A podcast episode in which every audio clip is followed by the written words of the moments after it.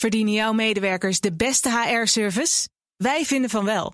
Numbers combineert payroll met slimme HR-features. Bespaar kosten en geef medewerkers eenvoudig toegang tot verlof, declaraties en loonstroken. Probeer Numbers op nmbrs.nl. De Perestrooikast. Een blik op Oost-Europa.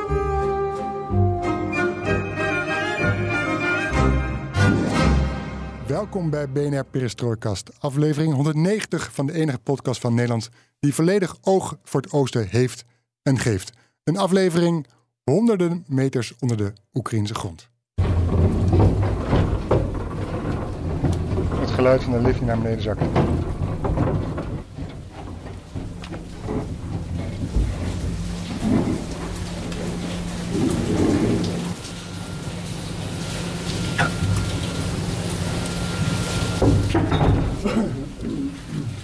En, uh, hooguit vijf minuten zitten we op 320 meter onder de grond.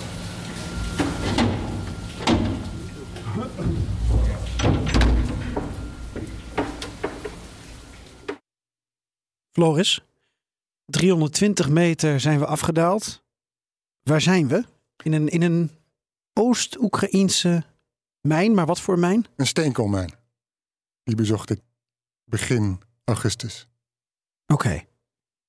En dat is het andere front, zoals een mijnwerker Dimitro eh, omschrijft. Klopt. En dan doelt hij op het front het gevecht om de elektriciteitsvoorziening van Oekraïne, de brandstof, Mhm. voor de winter ook De natuurlijk. verwarming. En die is in het eerste oorlogsjaar door Rusland onder vuur genomen. En nu ben jij dus afgedaald om te zien wat is het belang van die steenkoolmijn. Je snapt hem helemaal, ja. Waarom zijn steenkolen zo broodnodig, zeker nu tijdens de oorlog? Ehm, maar dan niet alleen. Eh, steenkool, mijnen, we kennen het echt ongeveer het symbool van een Donbass. En eh, je kan je voorstellen dat tijdens de oorlog daar meer speelt dan alleen steenkool eh, uit de grond halen. Ja, daar gaan we het zo over hebben. Je kwam terug met een ruime Oekraïne-oogst van je laatste trip. Ja, je hebt zoveel verschillende verhalen gemaakt, want jij gaat daar dan twee weken heen en dan plan je van alles van tevoren. En jij komt dan dus dronebouwers tegen, voormalige krijgsgevangenen, eh mijnenruimers, eh, steenkoolmijners, Ook. mijnwerkers, de Shachtori. Mhm.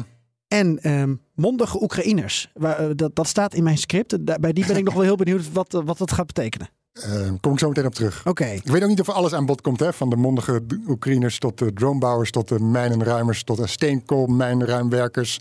Ehm, maar het past wel binnen onze standaard zinnen dat alles in de perestrooikast kan ten oosten van de rivier de Elbe de komende weken, maanden, jaren worden besproken. En wat leuk is, is dat we heel sociaal en democratisch zijn. En abonneer je op ons, zodat je geen aflevering hoeft te missen. BNR Perestrooikast. Zoek ons op in je favoriete podcast-app. Ik ben Floris Akkerman Ik ben Geert-Jan Haan. en dit is BNR Perestrooikast.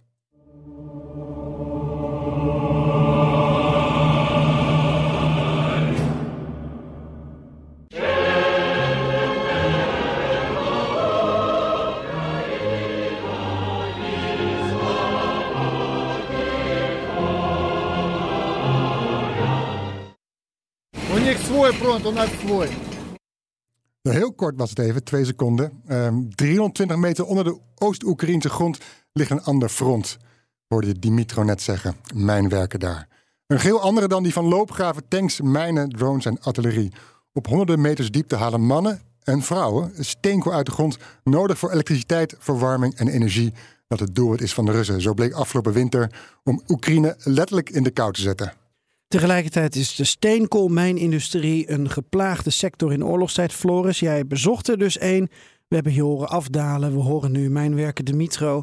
En je bent gaan uitzoeken, zowel onder als boven de grond, hoe het staat met deze industrie. Het is toch het symbool van de Donbass. Mhm. Aan de ene kant een, een vervallen symbool voor Ja. vroegere tijden. Tegelijkertijd trots van de mijnwerkers daar. Zeker. En ja, hoe staat het ervoor in oorlogstijd? En ja, hoe gaat het eh, de komende winter dan eruit zien? Ja, dat eh, gaan we zo meteen induiken onder de grond. Maar ook hier eventjes eh, nu weer terug in de studio. Maar ook nog een reclameboodschap die we zijn vergeten in ons draaiboek te zetten. Zullen we die nu even dan... eh, Hebben we niet aan gedacht? Maar eerst even dit. Als Europees marktleider op het gebied van internationale arbeidsmigratie bemiddelt Otto Workforce in de werkgelegenheid over de grenzen. Zowel binnen Centraal- en Oost-Europa als naar landen in West-Europa. Daarin ligt de focus op de motieven en ambities van de medewerkers. De visie van Otto Workforce is dat circulaire arbeidsmigratie de toekomst heeft. Dus niet alleen het bieden van werkgelegenheid voor cruciale beroepen, maar tegelijk het faciliteren van de terugkeer naar het land van herkomst na verloop van tijd. En dit alles goed gereguleerd. Meer weten? Kijk op www.ottoworkforce.com. Goed, van de uitzendkrachten gaan we terug naar die harde mijnwerkers daar in het oosten van de Oekraïne. Floris, jij bent twee weken in Oekraïne geweest. Begin augustus kwam je terug. Een reis langs Kiev, Zaporizhia, Dnipro, de Donbass, Lviv. En dan zet je weer voet op EU-bodem. En ehm, ja, wat zijn in Polen dan je gedachten? Ja, dan, dan een kleine verlichting, opluchting voel je dan toch wel als je voet zet op veilige bodem. Uh, maar het was wel een sombere. Uh, mijn gedachten waren somber. Je had net eerst uh, de avond ervoor had je die aanval had gehad in Pakrovsk.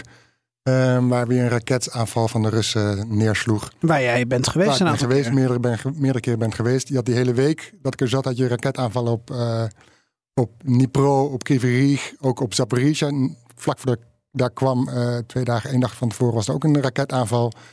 Um, dus ik dacht van ja, ongelooflijk, waar komt hier ooit nog een einde aan? Wanneer stopt dit? En ik zag ook geen oplossing, ik zie ook geen oplossing, ook vanwege het, het nieuws dat ook in die weken naar buiten kwam, die periode dat ik er zat, of rond de periode dat Rusland de mobilisatie verhoogt naar 30 jaar, eh, de leeftijd van de mannen, uh, van 27 naar 30 jaar. En dat gaf mij het gevoel van dat ja, Poetin is, is niet eventjes klaar hiermee. Uh, ik weet niet wat hij, waar hij nog meer zijn zin op heeft. Maar dat gaf mij het idee van ja, ik, ik, eh, die bombardementen, die, die, die aanvallen die maar doorgaan, de doden. Uh, die Oekraïners die maar daar zitten in hun land opgesloten. Uh, plus die mobilisatie. Uh, ik had geen idee. Op dat moment dacht ik, waar gaat het heen? Ik hoorde deze week een aflevering van uh, BNR De Wereld. En Jeroen Ketting was mm daar te gast. Mm -hmm. Die sprak met Bernard Hammelburg over zijn reizen naar Oekraïne, maar ook over zijn uh, ja, decennia lange werk en leven in Rusland. En uh, Jeroen zei, nou toen de oorlog begon zag je iets van een draagvlak van 50% misschien in Rusland. En dat groeide daarna naar 70%. En hij zegt, ja nu is gewoon 95% van de Russen is gewoon voor die oorlog. Dus ook op dat vlak ziet hij niet nee, verbetering, ziet, zelfs het, verslechtering. Dat... En dan is het de vraag, wat, wat is de moraal van de Oekraïner? Want hoe lang hou je dat vol? Ja, hoe lang hou je dat vol? Nou, nou heb ik uh, uh, veel Oekraïners over gesproken. Uh,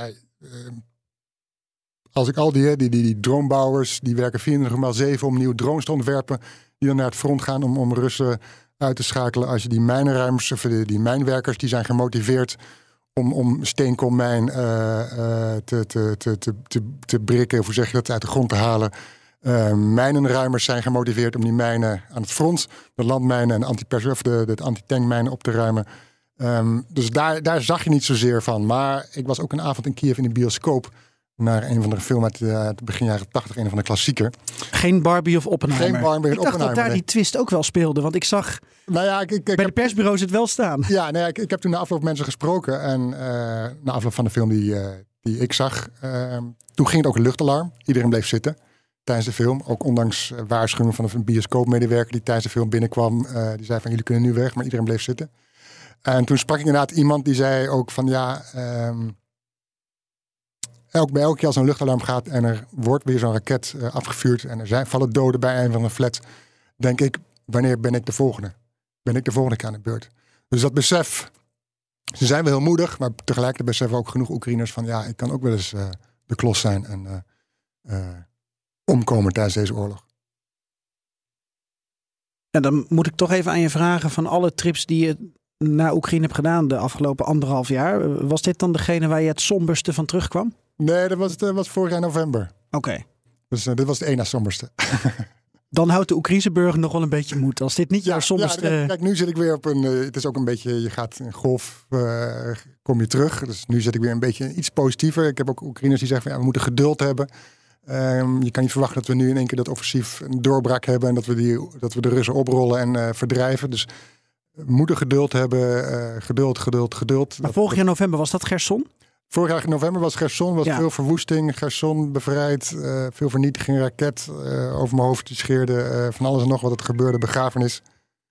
Um, dus ja, dat was het meest somberste. somberste. En dat is dan het contrast natuurlijk tussen, tussen aan de ene kant de euforie van zo'n bevrijding en aan de andere kant de totale verwoesting die je dan Zeker. aantreft. Zeker. En, en nu ook kom je terug in Polen en dan denk je, ja, hier sta ik weer vrijheid en kan ik alles doen en laten wat ik wil bij wijze van spreken. Ja. En daar zitten ze gewoon opgesloten in, in Oekraïne en kun je geen kant op. Dus hoe zie jij de, je hebt ook veel contact met Oekraïners, hoe, zij, hoe spreken zij hun, hun, hun mentaliteit uit? Hun mentale gesteldheid? Ik weet het niet zo goed, Floris. Ik denk ook dat Oekraïne belang heeft bij eh, goed nieuws. Dus aan de ene kant dat die F-16's nu ehm, ja, naar eh, Roemenië mogen gaan voor de trainingen. Want Amerika heeft gezegd, nou Nederland en Denemarken, jullie mogen ze doorsturen. Ehm, dat bijvoorbeeld dat ene containerschip vanuit Odessa Mhm. uiteindelijk de Bosporus door is gekomen en de Zwarte Zee door is gekomen. Dat is natuurlijk een opsteken. Maar het zijn allemaal kleine Het zijn kleine opstekers. dingetjes. Het is niet zo dat daarmee meteen het beeld van de oorlog verandert. Hè? Weer zo'n droneaanval op Moskou. Denk ja, leuk. Ja. Ja, maar ze hebben het nodig voor hun eigen, ik, tussen haakjes, propaganda. Mhm. Hun eigen PR. Het moet aangezwengeld Het blijven. moet je moet in de picture blijven. weet je, ook zo'n bericht uit de Washington Post dat het eh, tegenoffensief van Oekraïne gaat falen. Omdat ze niet eh Melitopol kunnen innemen tijdens dit tegenoffensief. Ja. Ja, wat is falen? Want dan zeggen Oekraïners weer tegen mij: ja, jullie eh, sturen geen vliegtuigen mee. Dus wij doen een offensief zonder luchtsteun. Dat zouden jullie nooit doen. Nee, En wij letten op onze mensen. Dat Dus ook. wij gaan niet all in op dit moment. En dan maar nadenken over het offensief voor een half jaar of een jaar later. Ja, het gaat, eh, dat offensief dat gaat heel vrij behoedzaam. Ze zijn spaarzaam en mensen verliezen natuurlijk. En dat is ook logisch. Ze hebben niet dat, eh, zoals Rusland, het kanonnenvlees wat ze eventjes in de strijd kunnen gooien. En inderdaad, wat je zegt, eh, de NAVO-doctrine is altijd vanuit de lucht eh, eh, heersen. Maar dat is nu natuurlijk totaal geen sprake van. Maar het is echt wie je spreekt. Hè? Want ik heb ook een vriend die gewoon het land dus niet uit mag. Terwijl zijn ehm, gezin in Polen zit. En, en dat soort dingen blijven wel heel erg, heel erg treurig. Ja. Maar ja, laten we toch een onderwerp uitpikken waar we het over wilden hebben. En dan terug dus naar die, die steenkoolmijn, Floris. Hoe moeilijk dat misschien ook is. Maar eh, ja, ik ben er toch ook door gefa- gefascineerd. Eh, sowieso de, de, ehm, de mijnwerkers. Schacht, Schachtwerkers. Schacht is zo'n mooi woord, Floris. Dat is Ja. een van de weinige woorden die in bijna alle talen op het Europese continent hetzelfde is. En hetzelfde betekent. Hij, zat er, eh, hij, zat er mooi, hij lag er mooi bij, Ja? bij de mijn die ik bezocht. Oké. We gaan niet zeggen waar en welke. Maar Nee. waarom wilde je deze bezoeken? Nou, niet specifiek deze. Het is gewoon een, een steenkoolmijn. Eh, waarom mogen we die naam niet noemen? Of in ieder geval niet de locatie vanuit, eh, vanwege veiligheidsoverwegingen. Je wil natuurlijk niet dat wij de locatie eh, zeggen en dat de Russen denken van oh, daar eh, zit een steenkoolmijn, die kunnen we even aan de vuur nemen. Ehm, toch weten om die steenkoolmijnen, ja, dat, we weten allemaal, Oekraïne kennen we, zeker in Oost-Oekraïne, dan steenkoolmijnen, dat is een van de, dat is een vermaarde industrie. Eh, dat, dat daar, daar, daar, daar is hele families eh, zijn daar, eh, hele generaties werken daar. Ehm, eh, dus ja, hoe staat het daarmee aan zich? Hoe gaat het daarmee? Eh, ook rond de oorlog. Hè? Wat, wat gebeurt er allemaal in, in, tijdens zo'n industrie, tijdens de oorlog? Er gebeurt van alles. Eh, daar gaan we het zo meteen ook over hebben. En ook vanwege de winter die eraan komt. We hebben afgelopen winter hebben we gezien waar Oekraïne natuurlijk eh, alle zeilen moest bijzetten om, om bedrijven draaiende te houden qua energie, qua elektriciteit, qua verwarming, de huizen. We zagen generatoren op straat. Eh, om, om, om, eh, café, of om cafés bijvoorbeeld warm te houden. We zagen warmtetenten in steden en dorpen waar mensen eventjes konden zitten, internetten of wat thee konden drinken om zich op te warmen. En ja, die winter, we zitten hier natuurlijk nog hier volop in de zomer, maar die winter is er voordat je, voordat je ergen hebt. En dan kunnen die steenkoolmijnen toch best wel eens van pas komen. Hoe daal jij als journalist af in een steenkoolmijn? We hoorden net een, een fragment van jou in die steenkoolmijn. Maar ja, je staat hier met je witte Adidas schoenen en je Gopnik eh jack. Ja, toch maar uit de kast getrokken. Ehm, welk traject moet jij door om in een, eh, in een schacht af te dalen? Ja, eh, zo dus niet in deze kleren. Eh, dat, gaat, dat gaat een heel, heel traject aan vooraf. При движении его работа 50 минут. Если человек просто сидит и в нем дышит, 150 минут. Здравствуйте. Здравствуйте. En dan wordt je bloeddruk, bloeddruk gemeten. in een soort van medisch kantoortje. Руку расслабьте. Все, а, да. Сколько дыр Не, э, это же Голландия и Флориса. Гость тоже гость, это наш. Кто к нам приехал, он тоже становится нашим. Конечно. Все, мы же 130 на 80. Normaal? Да, норм. Oh, alles eh, Ziet er goed uit, joh. Ja, kleine opluchting. Mijn bloeddruk werd gemeten vooraf. Uh, ik denk, ja, het zal me toch niet gebeuren. Ga ik een keer een steenkoolmijn in. En dan is mijn bloeddruk te hoog of te laag of wat dan ook. En dan zeggen ze van, ja, Floris, uh, leuk voor de komst hier, maar uh, verder ga je niet. Um, ja, dit was een fragment. Je hoorde eerst even heel kort een man spreken over 50 minuten en 150 minuten. Dat was het moment dat hij, je krijgt, onder andere, krijg je een zuurstoffles mee. Mhm. Mm -hmm. voor het geval dat, in het geval van een ongeluk. Dus hij legt uit, met die zuurstoffles heb je zuurstof voor 50 minuten als je werkt. En 150 minuten als je gewoon blijft zitten. Draag je die op je rug? Uh, die draag je een soort van, van schoudertasachtig draag je die over je schouder. En er zit ook nog, ja, je krijgt van tevoren sowieso, nou met je gewone kleren ga je dus niet naar binnen. Dus je moet alles uitdoen. Je staat in je, je onderbroek en dan moet je een witte broek aandoen en nog een wit shirt. En daarover je, je, je mijnwerkerspak en dan nog laarzen. En dan krijg je een mijnwerkershelm en dan krijg je een masker en een mijnwerkerslicht. En waaronder dus ook een soort ook een zuurstoffles die ook wordt vastgemaakt. Uh, nou, die, die je eigenlijk om je schouder draagt als een, als een, als een schoudertas. En dus continu eigenlijk bij je moet hebben voor het geval dat. Um, daarna, dus wat ik zei, kom je als laatste stop kom je bij, bij een soort medisch kantoortje. En, en daar wordt dus inderdaad je bloeddruk gemeten. En als dan het uh, zijn op groen staat, dan mag je verder naar beneden de trap af. Stukje de trap of op en dan ga je naar de lift die je naar beneden brengt. Zijn er beelden van? Mocht de fotograaf mee? De fotograaf gaat ook uh, Konstantin Czernitskin mm, zeker mee natuurlijk. Graag, hoe mooie foto's bij een reportage zijn natuurlijk onmisbaar. Uh, moeilijke klus voor hem, dat gaf je ook na, na afloop toe. Je moet je, als je eenmaal in de mijn zit, in bochten wringen om iets te...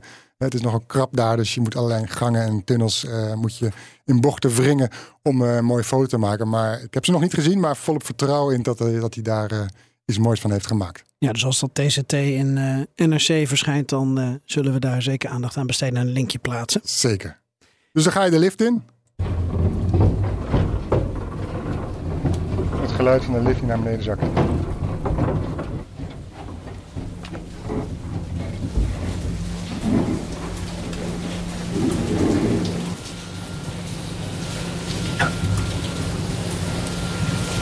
zakt.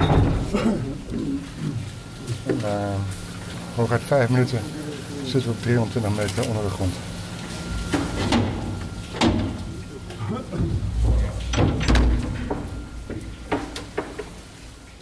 Ja, je zakt dus, ik zeg dus vijf, vijf minuten. Nou, het waren, ik heb het later opgenomen. Ik heb het opgenomen, dus toen zag ik dat het ongeveer 2,5, 3 minuten is. Uh, dat je naar beneden bent. En je ziet daar inderdaad het grondwater, zie je daar langs druppelen. En dan kom je beneden op 320 meter en dan zie je eerst een soort Maria-beeld. Uh, daar als eerste te, uh, loop je langs. Dan nog een veiligheidsinstructies. En dan is er nog een medisch, uh, medisch punt waar iemand staat die, die als het gebeurt, gewonden of mensen die zich lekker voelen, moeten behandelen. En dan loop je verder. En eigenlijk de eerste vrouw die ik tegenkwam was Valentina Dotsenko. En ik sprak haar daar terwijl ze eventjes voor mij nam. Сложной ситуации жизненной. Нужна финансовая помощь. Угу. Работы сейчас как таковой нету, только на шахте. Угу. Ну, мы решили попробовать себя в этой сфере. Если бы не было войны, может быть, бы дальше продолжали бы работать бы и, да. может, сюда бы даже мы не попали бы. Ну, так жизненная ситуация получилась, пришлось сюда идти. Если нет мужчин, нужно помогать в трудный момент вставать и работать Mhm. на уровне даже мужской работы. Ja, ten eerste, ja, Oost-Oekraïne door de oorlog, ja, veel, veel werkloosheid. Banen zijn, eh, zijn, zijn, zijn weggegaan, kantoren zijn dicht. Dus zij heeft uh, werk nodig. En ze was op zoek naar werk, Valentina. En bij de mijnen zijn gewoon mannen vertrokken. Vanwege mobilisatie naar het front, vanwege evacuatie. Um, uh, de, de mijn waar ik, waar ik in was, deze mijn, uh, daar zijn, uh, wat was het ook alweer? Ja, er zijn 190 man zijn daar vertrokken vanwege de oorlog. En vanwege evacuatie of mobilisatie of andere, andere redenen. Maar van die 190 zijn er 72 het leger ingegaan. Is dat dus, veel als 190 man uit een mijn verdwijnt? Nou ja, die, die mijn bestaat uit ongeveer uh, 600 medewerkers. Dat zijn puur de, de, de mijnbouw, uh, de, de mijnmedewerkers. En dan, het is een mijn dat gewoon 24 uur maar 7 draait. Dus dat gaat achter elkaar door in shifts. Um, dus ja, dat is een hele aderlating. Zoals de directeur ook uh, tegen mij zei. Ja, als deze, deze, die, twee, die, die mannen zijn vertrokken, die 190, dat ja, je moet anderhalve keer uh, meer werk verzetten om, om, die, eh, om, die, om die leegloop op te vangen. Dus die mijn was gewoon naar zich op zoek naar mensen en heeft dus ook vacatures uitgezet. En daar komen dus nu ook vrouwen op af. Dus bij deze mijn zijn er dus eh, eh, zes vrouwen, echt als mijnwerker. Eh, die staan daar 320 meter onder de grond. En dan doen ze niet het, het zware werk, zoals eh, Valentina zegt. Die, die ik onderhoud de lopende band waarover die Ja. steenkoolmijnen gaat. En ehm, ja, ze zegt van ja, eh, dit, dit, dit is als, kijk, als ik de keuze had gehad, dan natuurlijk had ik iets anders willen doen. Maar ik heb geld nodig. Ik heb geld nodig. Ik heb geen keuze momenteel. Dat zei ook de directeur van mij, of een, eh, eh, ja, eh, iemand van de directie, die zei ook tegen mij normaal gesproken in het Donbass. Heb je al niet veel keus? Je hebt wel keus, maar je hebt al niet veel keus qua carrière. Maar nu, eigenlijk door de oorlog, is eigenlijk helemaal geen keus. En ja, moeten ook vrouwen nu werken in een mijn. Nou, je hebt wel vitale beroepen in Oekraïne. En ik kan me voorstellen dat dit ook wel een, een, een vitale sector is. Ja, dit En is dat je dus eigenlijk wil dat mensen hier blijven werken en niet naar het front gaan. zeker. Maar ja, die als je gemobiliseerd wordt, eh, en je wordt opgeroepen, dan zul, dan zul je wel moeten. Ehm, Ja, maar of- er zijn of- of mensen je- die de dans kunnen ontspringen. hè? Ja, nou ja, precies. Of je gaat vrijwillig naar het leger. Hij zegt, de directeur zei ook van ja, er zijn ook mensen vertrokken. We eh, mannen vertrokken. We hebben geen idee waar ze zitten. Die zijn niet naar het leger gegaan. Die zijn gewoon, ja, eh, die houden zich ergens schuil waarschijnlijk. Eh, die, die heb je dus ook. Ehm, dus eh, Is ja, deze mijn, sorry voor deze vraag, maar is deze mijn in een gebied ehm, waarbij er ook nog een kans is dat er mannen misschien gedeporteerd zijn? Weg, gewoon weggehaald? hoe bedoel je dat? Nou, dat ze in Rusland zijn, gewoon verdwenen voor het oog van de. Nee, dat is Massa? mijn, mijn Oekraïns grondgebied. Ja, weet ik, maar ik dacht misschien is het eh, voormalig bezet gebied. Of, nee, nee, eh, nee, nee. Oh, zo dat het bevrijd is bedoel je? Eh, nee, nee, nee, nee. Het is altijd Oké. Oekraïns grondgebied gebleven. Oké. Ehm, En dan, nou, terug naar de mijn en jouw, jouw tour door de mijn? Ja. Of zijn er nog meer cijfers die je wil benoemen? nee, ik heb genoeg cijfers. benoemd. Ja. Het is wel indrukwekkend hoor. Dan loop jij dus verder door die mijn. Ja, dat is een, een ongeveer. We, gaan, we gingen naar het einde van de mijntunnel, waar echt de, de mijn gewonnen wordt. Ja, dan loop je eigenlijk langs door tunnels en ik werk keurig. Ja, ik loop daar, liep daar met mijn fotocamera op mijn borst en mijn, mijn zuurstoffles en mijn opnamerecorder. Dus ik werd voorzichtig beleid. Soms moet je over planken lopen, want je loopt over het water, je loopt door modder. Eh, en iemand hield me dan even vast als ik eventjes moest, eh, ja, moest bukken of wat dan ook. Maar goed, door de mijn eh, op weg naar, eh, naar de plek waar steenkool wordt, wordt gewonnen.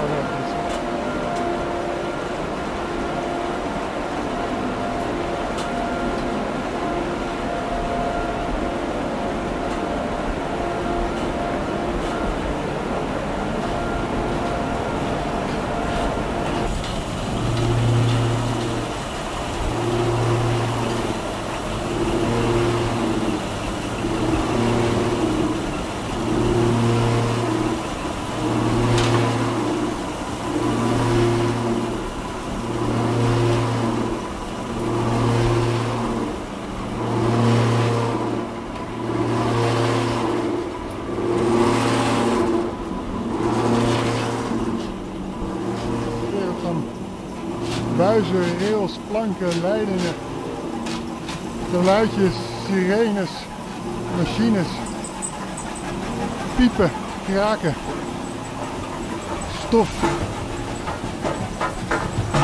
gehamer, getik.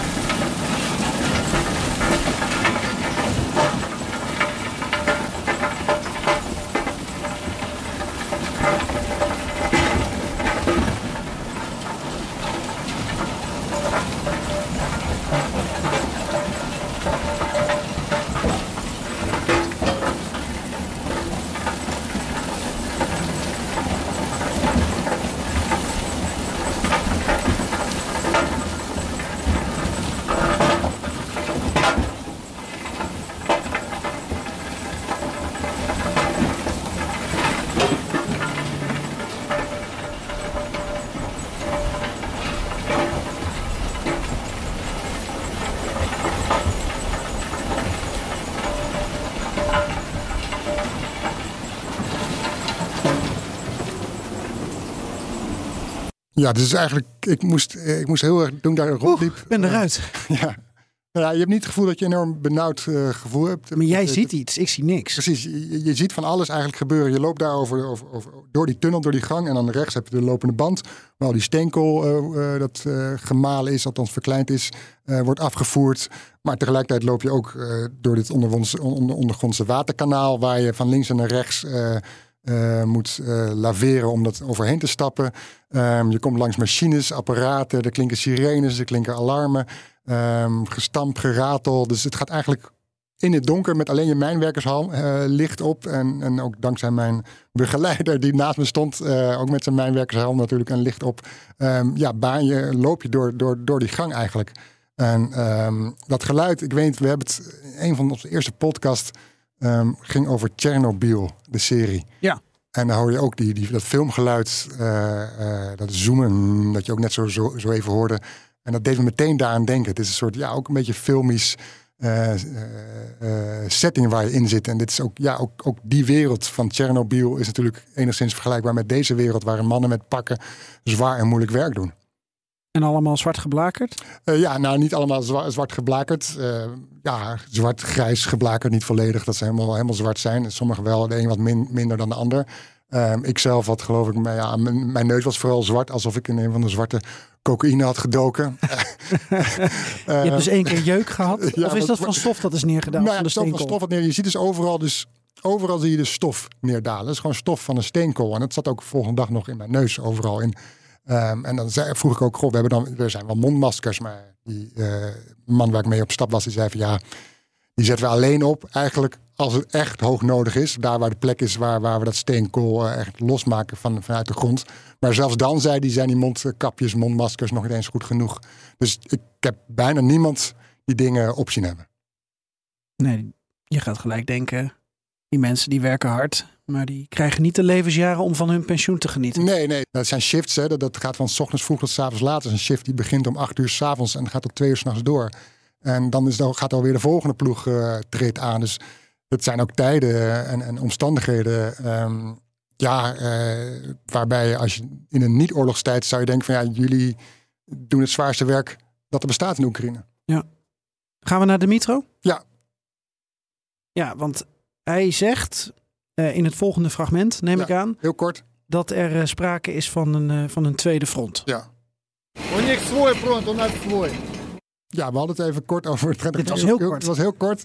Ehm, hij, was niet, hij was wel redelijk spraakzaam, maar soms ook wel wat kort. Ehm, we hadden het over de situatie gewoon in Oekraïne. En hij zegt gewoon, ja, zij, de soldaten boven de grond, hebben hun front. En wij hier onder de grond, 23 meter, hebben ons eigen front. En dat is gewoon het front, dat kennen we allemaal. Dat is gewoon het energiefront waar in Oekraïne het afgelopen winter natuurlijk eh, voor moest strijden. Toen Rusland al die elektriciteitsvoorzieningen aanviel.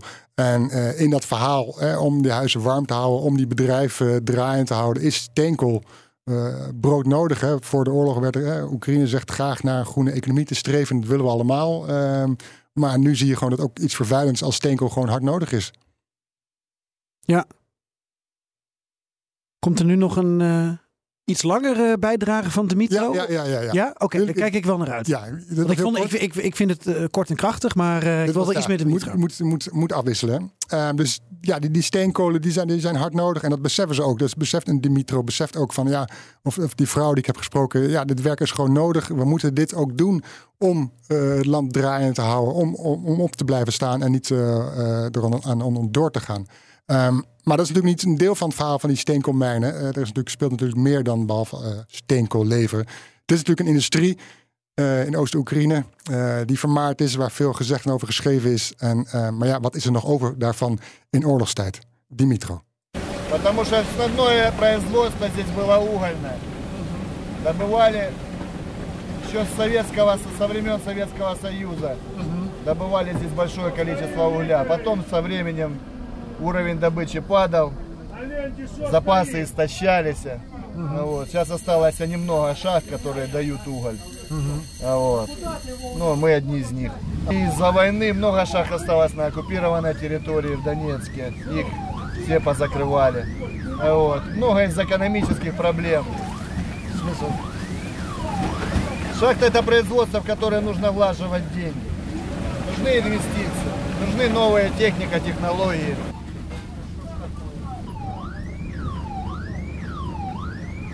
Ja, je hoort hier Dimitro eerst vertellen hè, dat tijdens de Sovjet-Unie was het natuurlijk een vermaarde industrie. Uh, steenkolen, daar was, dat was iets waar de, de Sovjet-Unie trots op was, op dreef. Daarna is het natuurlijk uh, onderuit gegaan. Is het uh, ja, in de steenkoolindustrie in Oost-Oekraïne vervallen. Um, hij zegt ook van ja, ze zijn gesloten. Veel zijn er nu in bezet gebied beland. daarom hebben we de steenkoolindustrie natuurlijk minder voor Oekraïne daadkrachtig. Aan de andere kant zegt het dus ook, ja, er is een industrie dat gewoon investeringen nodig heeft. Veel technologie uh, dat vernieuwd moet worden, gemoderniseerd moet worden. Ja, en daar is, daar is geld voor nodig. En dat geld is er niet altijd.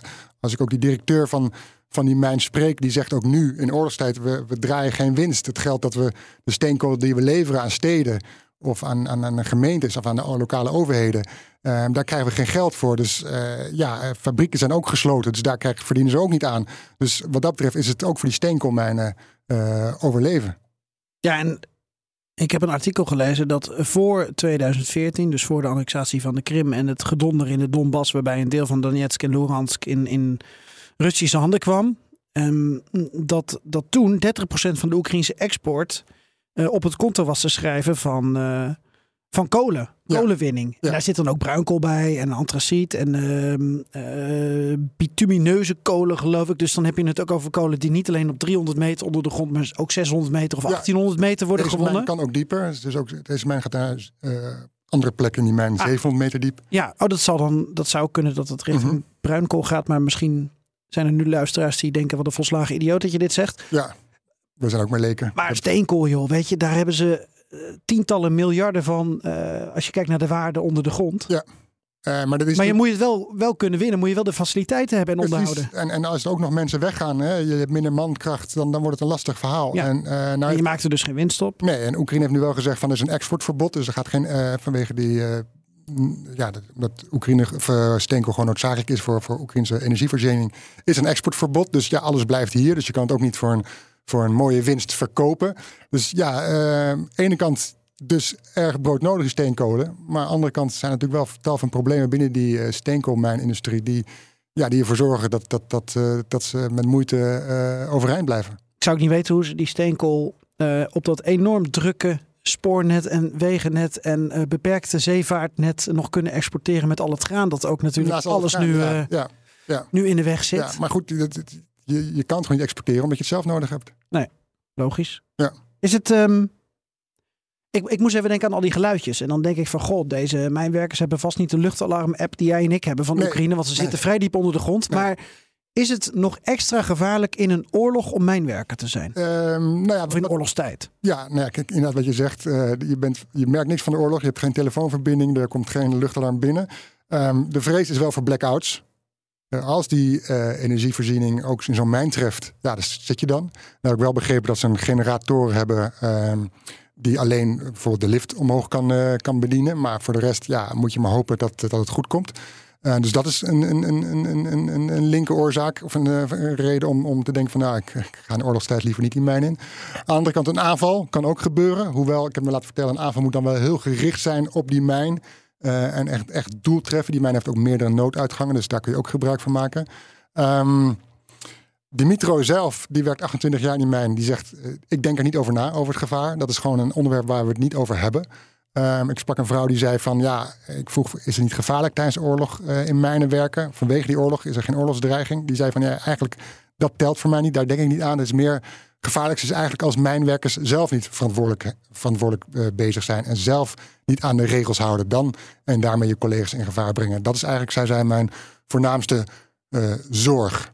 Eén, één vraagje over wat, wat die eerder zei in dat ultrakorte fragment. Mhm. Zij bij hun front, wij bij ons front. Ja. Merk je wel bij een mijnwerker als de Mitro dat dat zij dus ook het gevoel hebben dat ze nu extra nobel werk doen. Dat ze dus in die mijnen werken voor het landsbelang. Want het is een enorm zware baan. Het is ploeteren voor niet al te veel geld. Dat heb Ja. je dan dus 28 jaar gedaan. Maar de laatste jaren van, van deze termijn doe je dat in het landsbelang. Zou hij zo kunnen redeneren? Nou, ik proefde dat vooral bij, die, bij ik heb meerdere vrouwen erover gesproken. Ik proefde vooral bij hen. Van, eh, dat, dat, dat zei Valentino ook in het begin. Ja, eh, als het moet, dan moeten we ook gewoon mannenwerk doen. Om het land draaiend te houden. Dus ik proefde bij hen uh, uh, heel veel motivatie. Of inderdaad het idee van dit is een directe link met die oorlog.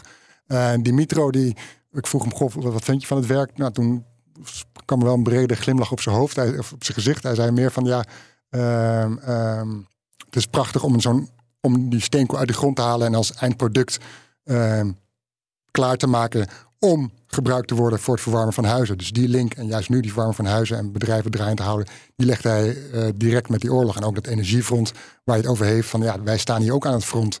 Eh, dus dat gevoel is, is, zeker aanwezig en dat besef is zeker aanwezig. Ja. De vorige winter, ehm 2022, 2023, toen waren er Russische aanvallen op ele- elektriciteitscentrales. Er waren blackouts. Het is in Kiev nog heel spannend geworden ook trouwens. Of dat wel allemaal weer hersteld kon worden. Eh, Mhm. brullende generatoren op straat. Als je in eh, Odessa kwam, dan ben je gek. Ja. Ehm, warmtetenten in steden en dorpen. De on- onbreekbare, onoverwinnelijke punten die er nog steeds zijn. Ja. Maar in de winter extra functie hebben. Ja, ja. Ja, Oekraïne is doorgekomen. Met heel veel kunst en vliegwerk en hang en wurg. En gooi er nog maar wat clichés in. Wat is je verwachting ehm, voor de komende winter? En ehm, wat is de rol daarin voor de, voor de steenkoolmijnen? Nou ja, k- die, die, die, het is- ze moeten alle zeilen bijzetten. Als je het verhaal van die directeur ook Nog hoort. zo'n mooi eh, spreekwoord. Ja, precies. ze moeten alles, alles op alles zetten om, om die steenkolen eruit te halen. eh, met de minimale middelen die ze hebben. Maar het besef is bij iedereen van ja, dit, die steenkolen zijn gewoon hartstikke nodig. Dus die dragen hun steentje bij. Blijf een beetje een flauw, eh, flauw humor, neem ik kwalijk. Ja, je staat Eh, naast mij. ja, eh, die dragen dus bij aan, aan die energievoorziening. En niet geheel toevallig, denk ik, kwam het ministerie van Defensie, eh, Groot-Brittannië, kwam deze week ook met een bericht van dat ja, Oekraïne een, een enorme steenkoolvoorraad heeft aangelegd om eh, die winter door te komen. Dat juist die steenkoolmijnen daarin een belangrijke rol spelen. En het Britse ministerie schreef zelfs dat dit gewoon eh, het aannemelijk is dat Oekraïne die winter door gaat komen. Ondanks waarschijnlijk weer toekom, de Russische raketaanvallen die erbij komen. Maar daarin speelt in dat hele verhaal en het doorkomen van die winter en overleven van die winter spelen de steenkolen dus een, een, doorslaggevende rol. Ja, en dan eh, hebben de Britten het dus over de brandstof. Want eh, in hoeverre de infrastructuur wordt vernietigd door de Russen. En dat Tuurlijk. onoverkomelijk Tuurlijk, tuurlijk. niet te repareren Ja. valt. Dat is een ander verhaal Zeker. natuurlijk. Maar puur als je kijkt, hè, die steenkoolmijnen, die voorraden die zijn aangelegd, nou, dat, dat, dat moet Oekraïne een, een, een steun in de rug geven. Ja, dat denk, dan denken we weer terug aan het begin van de oorlog. Toen brandstof, überhaupt benzine, een enorm probleem was natuurlijk. Om het land ook te kunnen verlaten. Ja. Of van, van het front weg te gaan naar elders in het land. Ja. Bijzonder hoor.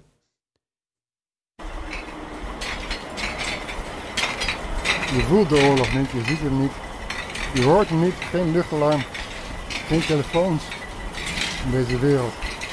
Maar het draait wel om die oorlog, om Oekraïne draaiende te houden. Voor energie, voor fabrieken, voor bedrijven, voor verwarming.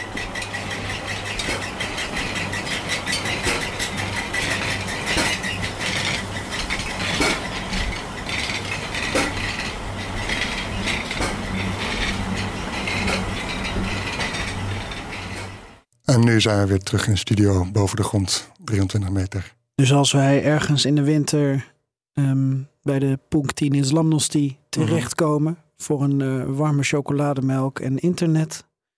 Dan moeten we denken aan... eh, Dan kan het De zo zijn dan eh, misschien wel deze mijn die ik heb bezocht. dankjewel Floris. Bijzonder verhaal. Ja, en binnenkort ook ergens in NRC met goed. foto's. En je neus is weer schoon inmiddels. Ja. nee, daarna mochten we nog douchen. Dat scheelde ook. Oh, dat is fijn. Ja, Alle medewerkers moeten ook weer schoon bij, Eh, eh, bij moeder de vrouw eh, aankomen. is heel- bij de man. Je, je, je- voordat je mijnen gaat, hè, dan kleed je om en dan haal je- je spullen. Maar na afloop doe je kleding weer uit. Dan kun je ook douchen. Is ook een banja. Dus ik ben niet de banja in geweest, maar ik kon wel douchen. En kon mijn gewone kleren, mijn Adidas jackie, had ik niet. Maar bij wijze van spreken kon ik weer aandoen. Ja, daar voel je toch wel het meest op je gemak in. Precies. Joost, welkom. Ja, dank je. Leuk, Hallo. Je, leuk je stem weer te horen. Ja, vind ik ook. Heb je eh, iets op je lever? Eh, op mijn lever. Nou, voornamelijk eh, natuurlijk ehm, sclerose hè, van het te veel wodka drinken, dat snap je. Maar voor de rest, ja. Ja, als je ochtends wakker wordt, wat, wat, met, welke, met welke gedachten sta je op als je ochtends wakker wordt in het huidige Rusland? Ik, ik ben nog niet land uitgegooid. Is dat het eerste wat je te binnen schiet na het vertrek van Nou, collega's? eh, de, de, de koelkast hè?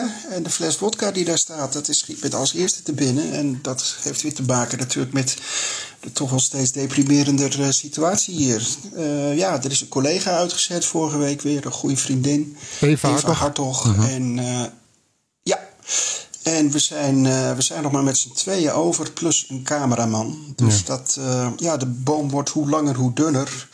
En aangezien Nederland nu ook eh, F-16's gaat leveren aan Oekraïne, ja, Mhm. wordt het toch ook voor Nederland in zijn geheel natuurlijk wat onzekerder hier in Rusland. Want Ja.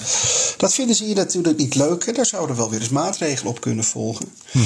Ja, ik heb tot half oktober mijn eh, visum en mijn accreditatie. eh, en we zullen zien wat er gebeurt. Ehm, een van mijn collega's heeft in ieder geval vorige week toch weer voor drie maanden verlenging gekregen. Mogelijk dat ze even een signaal hebben willen afgeven door Eva uit te zetten. En, en eh, nou ja, hun punt hebben gemaakt en ons voorlopig weer even met rust laten. Ja, dus, de- dus het verlengen van je visum, wel of niet verlengen van je visum, is, is de, de test. Of de test, dat wordt de, het moment. Of ze je nog pruimen of niet. Een beetje, een beetje wel, ja. Mhm. Ja, het eh, kan zijn dat ik eh, half oktober ook te horen krijg van... eh, u krijgt geen verlenging van uw visum. Maar het kan ook even goed wel zo zijn. Het is toch altijd eh, de willekeur die hier heerst natuurlijk. Dat weet je uit jouw tijd ook nog wel. Hier in Moskou. En dat wordt alleen maar erger. Ja, is het andere journalist is Geert Groot-Koerkamp. Namens de Volkskrant en ook NOS. Ehm, zoeken jullie elkaar op? Zeker. Nu even? Meer dan ooit? Nou, niet echt. We hebben een app natuurlijk. We zijn ook allebei druk. Maar goed, we, we, we- we spreken geregeld wel eens af zo. eh, om eh, ergens wat te gaan drinken of te eten. En, en eh, ja, dat, eh, dat blijven we natuurlijk ook wel doen. Maar het is, het is wel een gek idee. Er zitten ook alleen nog maar mannen nu. Hè? Ja. Alle vrouwen zijn nu weg. En Ja. dat is Mhm. toch ook wel treurig. Het groepje wordt steeds dunner en dunner. Slechte zaak, denk ja. ik. Ja. Ja. Maar het weerhoudt je niet van om op pad te gaan, want je was bij de wapenbeurs. Ja, afgelopen. dat is afgelopen vrijdag. Mhm. Ja, ja, ja, ja. En wat trof je er allemaal aan? Ja, dat is toch ook wel een. Nou ja, heel veel wapentuig natuurlijk. En, en het is toch wel een bevreemdende situatie. Want er liggen allemaal raketten hè, van Almas Ante. En eh, waaronder ook dus de boek. Zij het in een kleine, eh noem je dat? Een ehm, eh, maquette-achtig opstelling. Maar ja, ook gewoon echte raketten. En je beseft, eh, daar staan die Russen naar te kijken. En, en, en, eh, Echte raketten te die dagelijks en worden afgevuurd op Oekraïne, bedoel je? Ja, precies. Mhm. Eh, ik wou net zeggen, die zien ze in eh, Oekraïne ook, die raketten. Maar dan met krankzinnige snelheid op zich afgevuurd en, en inslaand in hun huizen. Eh, Ja. En dat is natuurlijk wel een hele, hele wrange gedachte. Ja. Ehm, je snapt ook niet dat mensen daar naartoe gaan, dat ze het willen kijken. Je spreekt zo links en rechts wat, met wat mensen. Maar je hoort toch ook allemaal van mensen die eh, ja, de oorlog toch wel steunen. Hè? En het zijn fascisten, het zijn nazi's. En we moeten winnen. Eh, de oude riedel. Ehm, maar ja, goed, je kunt ook van mensen die naar zo'n tentoonstelling komen ook niet anders verwachten eigenlijk. Kijk, mensen die eh, vreselijk tegen die operatie zijn, die, die gaan niet naar zo'n beurs toe. Mhm. Dat is duidelijk. Dit zijn echt toch ja, de, de, de, de, de, de ondersteuners van, van Poetin en van, van de, de, de speciale militaire operatie. Ja, als je, als je, Zoals Rusland het grote bloedvergieten in eh, Oekraïne nog altijd noemt. ja, als jij dan rondloopt, voel je dan als journalist belemmerd? Of sta je er toch, treed je ze anders tegemoet dan, dan, dan drie, vier jaar dan voor de oorlog? Nee, niet echt. Eh, je spreekt gewoon wat mensen aan die ergens op een bankje een boterhammetje zitten te eten of een ijsje of wat ook maar. En dan vraag je, en dan stel je wat vragen. Ja, en de ene keer kreeg je wat meer antwoorden dan de andere keer. Ik trof één interessante jongen aan, die kwam uit Mariupol. Een student van 12, eh, 20 jaar. Die was op bezoek bij zijn grootvader in Moskou. En, en ja, die had toch ook wel interessante verhalen over Mariupol te vertellen. Hij is dus eh, gebleven in de stad. Ook na de. Hij heeft de hele, hele, hele eh, belegering van de stad en de vernietiging van de stad doorstaan. En, en hij woont er nog steeds. En ja. Hij zei toch wel van, ja kijk, eh, wat hij voelde al voordat eh, deze invasie begon, dat in Oekraïne er toch een heel erg sterk anti-Russisch sentiment was en ook een heel agressieve sfeer. Ehm, dat was zijn lezing van het verhaal, ja. Ik vind het ook belangrijk om dat te horen en, en aan te tekenen, want het is een jongen die dat eerlijk vertelt. Mhm. En, en, en of Die die daarin nou, gelooft, ja, bedoel je eh, ook? bezoedeld is door de propaganda of dat hij het ook echt zo heeft ervaren. Dat, dat Mhm. is moeilijk achter te komen. Maar ik vind het wel interessant. Ik vind het wel eh, ook de moeite waard om het op te tekenen in ieder Ja. geval. Nou ja, ik hoop dat je het nog vaak kan blijven doen, Joost. Maar kijk, ik denk wel Ja, dat, dat, eh, dat, dat als de Russen je eruit gooien, dat ligt natuurlijk aan de moppen. Ik bedoel, eh, wij, Ja, Geert-Jan en ja, ik mochten dat weliswaar niet snappen, maar de Russen snappen dus des te beter. En de Hofnar dient toch als eerste verwijderd te moeten worden. Ja, of juist niet. Hè. Die mag toch eh, Dat is ook waar.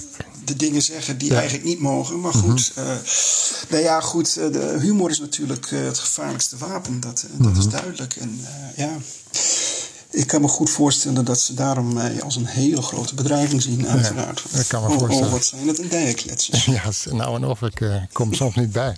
Eigenlijk van het lachen. Als ik ze helemaal snap. Thuis in mijn eentje luister ik nog eens na. En dan denk ik, Ja. oh ja, nu snap ik hem. Nadat ik hem uitgelegd heb gekregen. Ja, ja.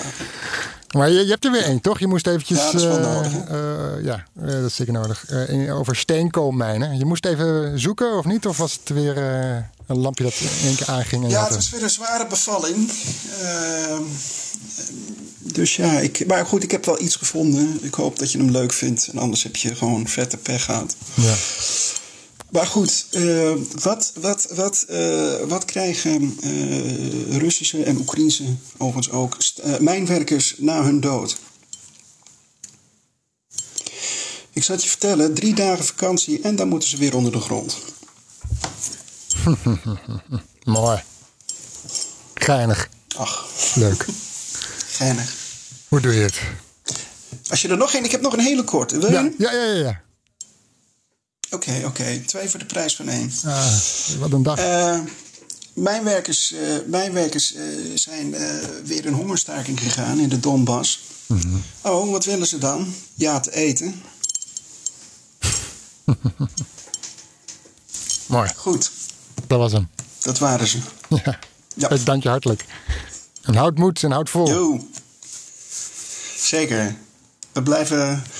We, we, we zullen handhaven of zo. we zullen stand houden. Mm -hmm, mm -hmm. Пока. Пока-пока.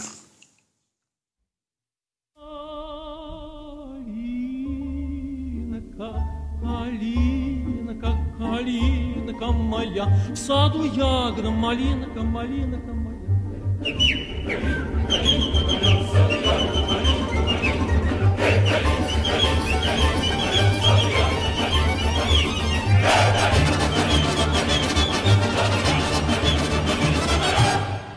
Pakka.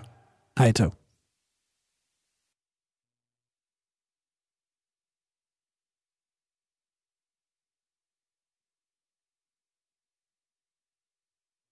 Verdienen jouw medewerkers de beste HR-service? Wij vinden van wel. Numbers combineert payroll met slimme HR-features. Bespaar kosten en geef medewerkers eenvoudig toegang tot verlof, declaraties en loonstroken. Probeer Numbers op nmbrs.nl.